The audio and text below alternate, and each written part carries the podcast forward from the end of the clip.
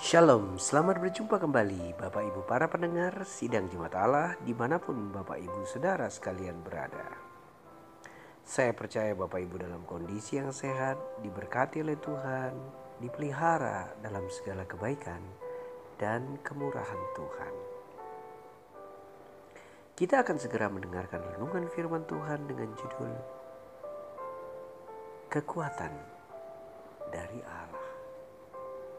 Yesaya 30 ayat 15 berkata demikian dengan bertobat dan tinggal diam kamu akan diselamatkan. Dalam tinggal tenang dan percaya terletak kekuatan. Bapak Ibu Saudara yang dikasih Tuhan kita perlu mengingat bahwa dalam menjalani kehidupan ini kita tidak bisa berjalan dengan kekuatan kita sendiri. Tuhan memang memberikan kita kemampuan untuk menganalisa, mengerti berbagai macam pertimbangan, dan melakukan langkah-langkah yang dianggap perlu untuk menguatkan kita. Namun, kadangkala dalam kehidupan kita merasa sudah tidak ada jalan kita sudah tidak kuat lagi dan sudah tidak sanggup lagi. Yesaya pasal 30 ayat yang ke-15 ini memberikan kita gambaran tentang bagaimana kekuatan itu berasal daripada dia. Nah ada beberapa hal yang patut kita pikirkan sebelum kita menerima kekuatan daripada Tuhan untuk dapat menjalani kehidupan kita. Yang pertama Bapak Ibu Saudara, di situ dikatakan dengan bertobat dan tinggal diam, kamu akan diselamatkan.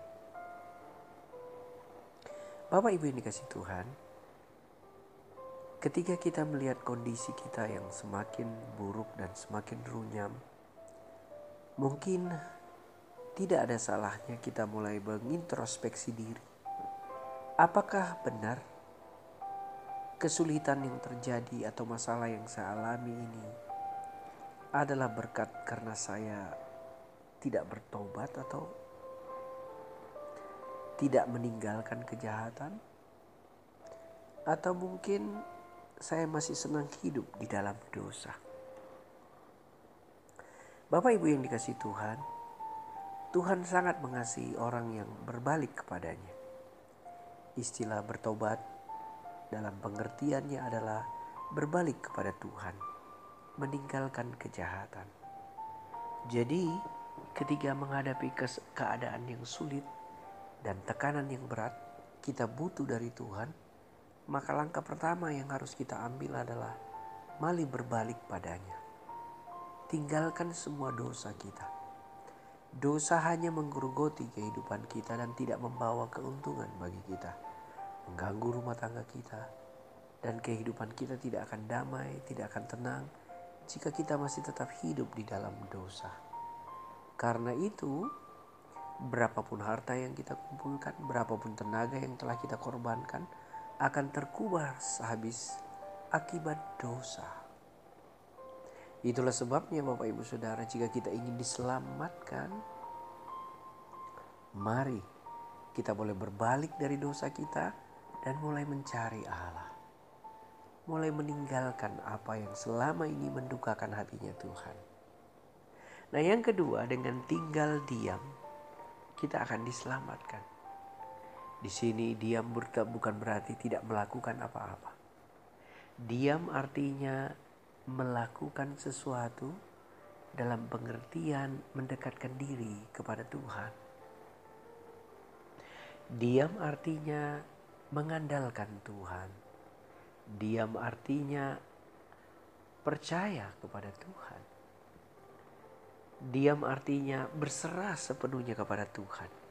Bukan berarti tidak melakukan sesuatu, tapi dalam melakukan sesuatu kita melakukannya sembari mengandalkan Tuhan.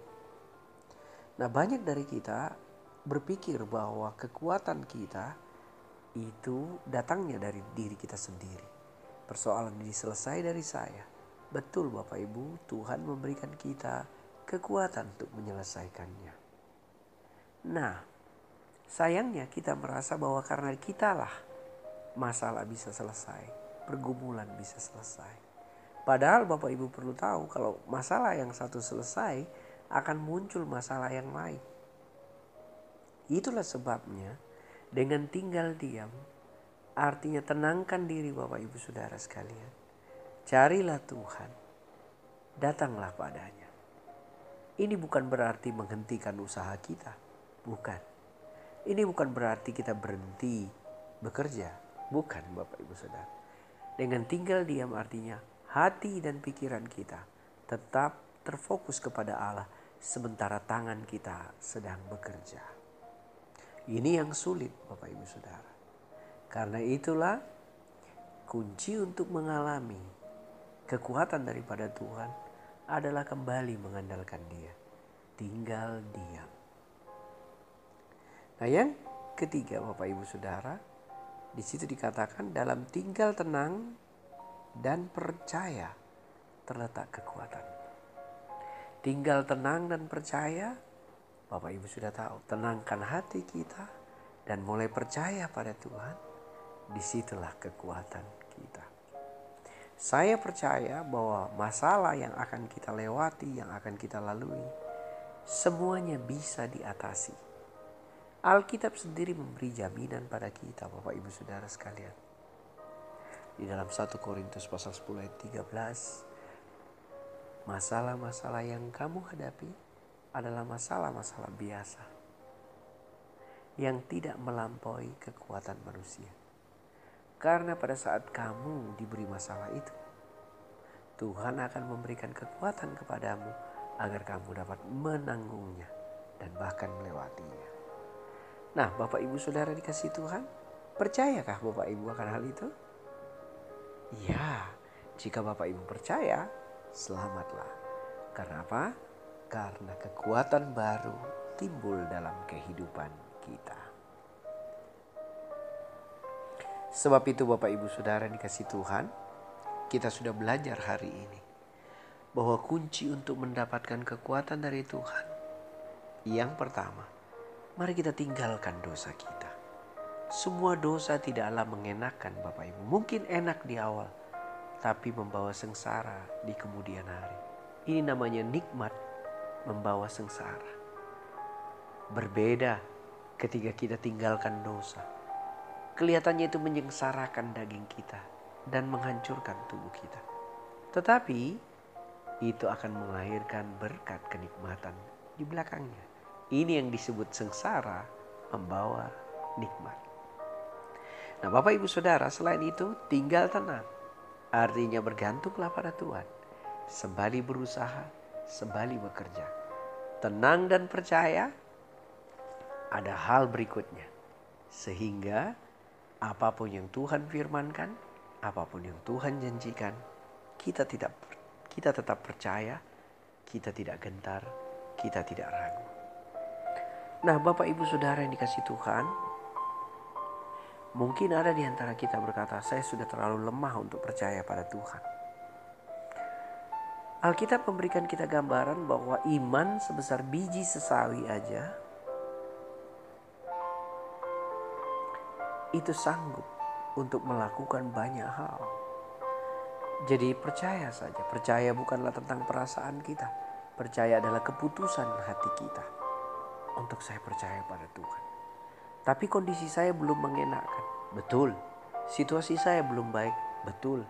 Keadaan saya belum begitu jelas. Betul. Tapi kita tetap percaya. Nah itulah sebabnya Bapak Ibu Saudara. Dalam segala kondisi tetaplah percaya. Nah dari itu bertobat, mengandalkan Tuhan, percaya, lahirlah kekuatan baru yang akan menguatkan kita. Tuhan Yesus memberkati kita hari ini Bapak Ibu Saudara sekalian. Biarlah berkat sehat kuat dan panjang umur menjadi bagian kita. Damai sejahtera dan sukacita menyertai Bapak Ibu para pendengar. Di mana pun Bapak Ibu Saudara sekalian berada. Shalom.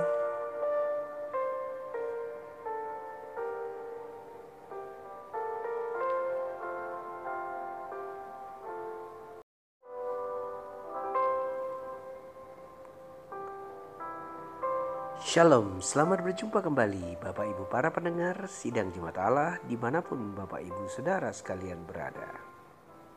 Saya percaya Bapak Ibu dalam kondisi yang sehat, diberkati oleh Tuhan, dipelihara dalam segala kebaikan dan kemurahan Tuhan. Kita akan segera mendengarkan renungan firman Tuhan dengan judul Kekuatan dari Allah. Yesaya 30 ayat 15 berkata demikian dengan bertobat dan tinggal diam kamu akan diselamatkan dalam tinggal tenang dan percaya terletak kekuatan Bapak Ibu Saudara yang dikasih Tuhan kita perlu mengingat bahwa dalam menjalani kehidupan ini kita tidak bisa berjalan dengan kekuatan kita sendiri. Tuhan memang memberikan kita kemampuan untuk menganalisa, mengerti berbagai macam pertimbangan, dan melakukan langkah-langkah yang dianggap perlu untuk menguatkan kita.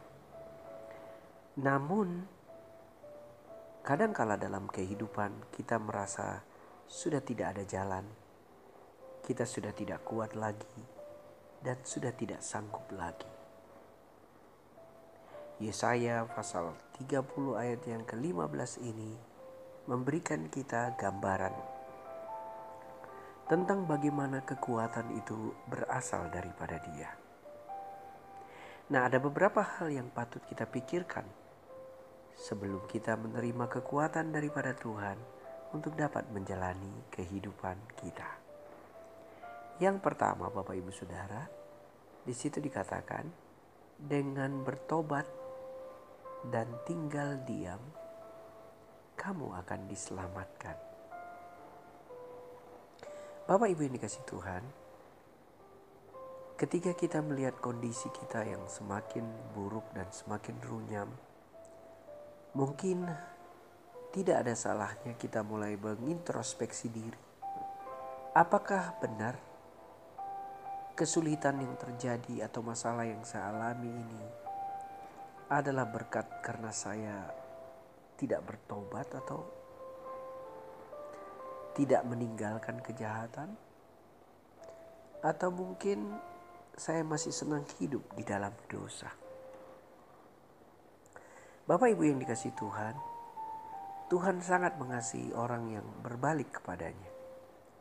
Istilah bertobat dalam pengertiannya adalah berbalik kepada Tuhan, meninggalkan kejahatan.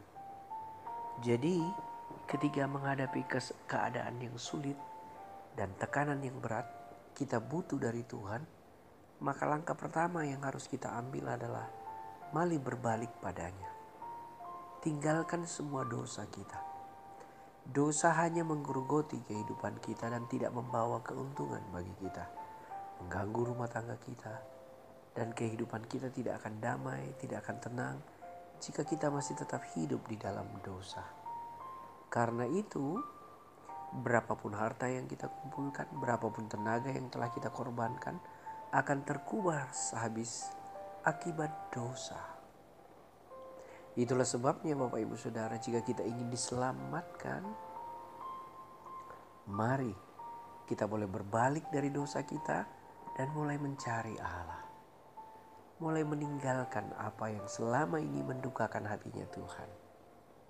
Nah, yang kedua, dengan tinggal diam, kita akan diselamatkan. Di sini diam bukan berarti tidak melakukan apa-apa. Diam artinya melakukan sesuatu dalam pengertian mendekatkan diri kepada Tuhan. Diam artinya mengandalkan Tuhan. Diam artinya percaya kepada Tuhan. Diam artinya berserah sepenuhnya kepada Tuhan. Bukan berarti tidak melakukan sesuatu, tapi dalam melakukan sesuatu kita melakukannya sembari mengandalkan Tuhan. Nah, banyak dari kita berpikir bahwa kekuatan kita itu datangnya dari diri kita sendiri persoalan ini selesai dari saya. Betul Bapak Ibu, Tuhan memberikan kita kekuatan untuk menyelesaikannya. Nah, sayangnya kita merasa bahwa karena kitalah masalah bisa selesai, pergumulan bisa selesai. Padahal Bapak Ibu perlu tahu kalau masalah yang satu selesai akan muncul masalah yang lain. Itulah sebabnya dengan tinggal diam artinya tenangkan diri Bapak Ibu Saudara sekalian. Carilah Tuhan. Datanglah padanya. Ini bukan berarti menghentikan usaha kita. Bukan. Ini bukan berarti kita berhenti bekerja. Bukan Bapak Ibu Saudara. Dengan tinggal diam artinya hati dan pikiran kita tetap terfokus kepada Allah sementara tangan kita sedang bekerja. Ini yang sulit Bapak Ibu Saudara.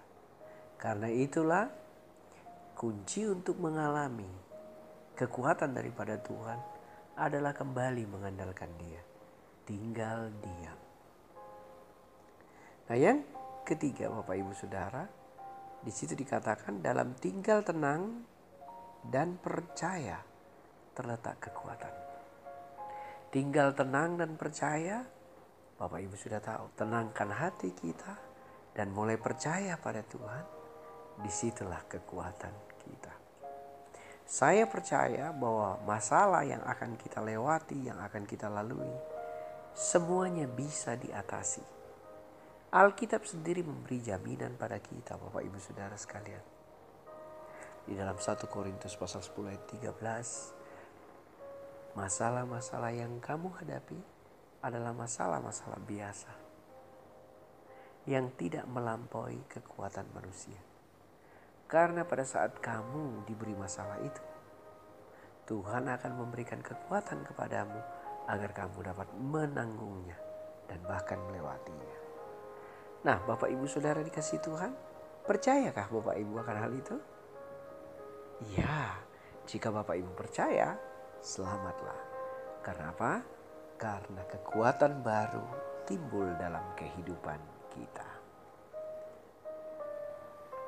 Sebab itu Bapak Ibu Saudara dikasih Tuhan, kita sudah belajar hari ini bahwa kunci untuk mendapatkan kekuatan dari Tuhan yang pertama, mari kita tinggalkan dosa kita. Semua dosa tidaklah mengenakan Bapak Ibu. Mungkin enak di awal, tapi membawa sengsara di kemudian hari. Ini namanya nikmat membawa sengsara. Berbeda ketika kita tinggalkan dosa. Kelihatannya itu menyengsarakan daging kita dan menghancurkan tubuh kita. Tetapi itu akan melahirkan berkat kenikmatan di belakangnya. Ini yang disebut sengsara membawa nikmat. Nah, Bapak Ibu Saudara, selain itu tinggal tenang Artinya bergantunglah pada Tuhan. Sembali berusaha, sembali bekerja. Tenang dan percaya ada hal berikutnya. Sehingga apa pun yang Tuhan firmankan, apa pun yang Tuhan janjikan, kita tidak kita tetap percaya, kita tidak gentar, kita tidak ragu.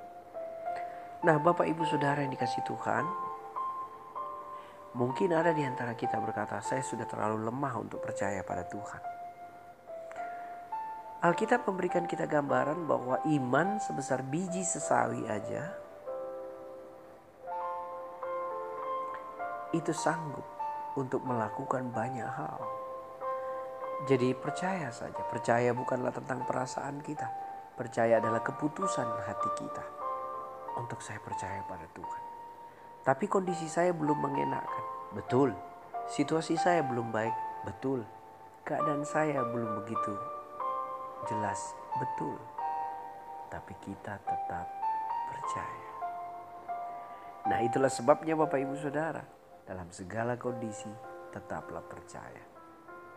Nah dari itu bertobat, mengandalkan Tuhan, percaya, lahirlah kekuatan baru yang akan menguatkan kita. Tuhan Yesus memberkati kita hari ini Bapak Ibu Saudara sekalian. Biarlah berkat sehat kuat dan panjang umur menjadi bagian kita. Damai sejahtera dan sukacita menyertai Bapak Ibu para pendengar. Di mana pun Bapak Ibu Saudara sekalian berada. Shalom.